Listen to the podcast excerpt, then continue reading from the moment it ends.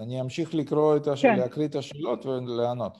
ברגע שמאכל עושה dumping, עדיף לנסות אותו שוב אחרי זמן, או שעדיף לא לגעת בו יותר. קודם כל, כשאומרים dumping, צריך להבדיל, יש dumping אמיתי ויש dumping שהוא לא ממש dumping, כן? אם בן אדם אחרי אוכל סתם מרגיש חולשה ובא לו לשכב לנוח, זה לא dumping. dumping זאת תופעה שהיא הרבה יותר קשה.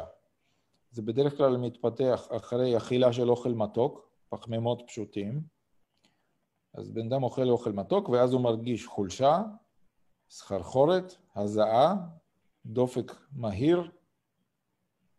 זה dumping אמיתי. אם זה נגרם מאוכל מסוים, אז הדרך היחידה לטפל בזה זה פשוט להימנע מאותו אוכל. אז צריך לנהל יומן ולבדוק איזה אוכל גרם, גרם ל dumping. אה, דרך אגב, לפעמים dumping יכול לא לקרות מאותו מאכל.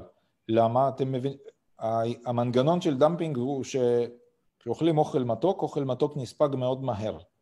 לעומת פחמימות מורכבים, כן? אתם מבינים? ירקות, לחם, אה, אורז, זה גם פחמימות, אבל זה פחמימות מורכבים. לגוף לוקח זמן לעכל אותם ולספוג. אוכל מתוק, שזה סוכר ממש, כן? סתם שוקולד, או סתם משקה מתוק. זה מכיל אה, פחמימות שנספגים מאוד מהר.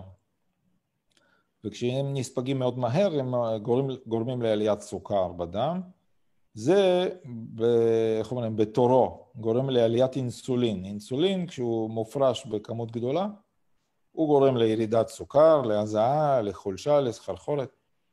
אה, בשביל שהתופעה הזאת לא תקרה, לפני שאוכלים פחמימות פשוטים, כן? לפני שאוכלים פחמימות כמו סוכר, כמו אוכל מתוק, כן? צריך לפני כן לאכול אוכל שהספיגה שלו הרבה יותר איטית.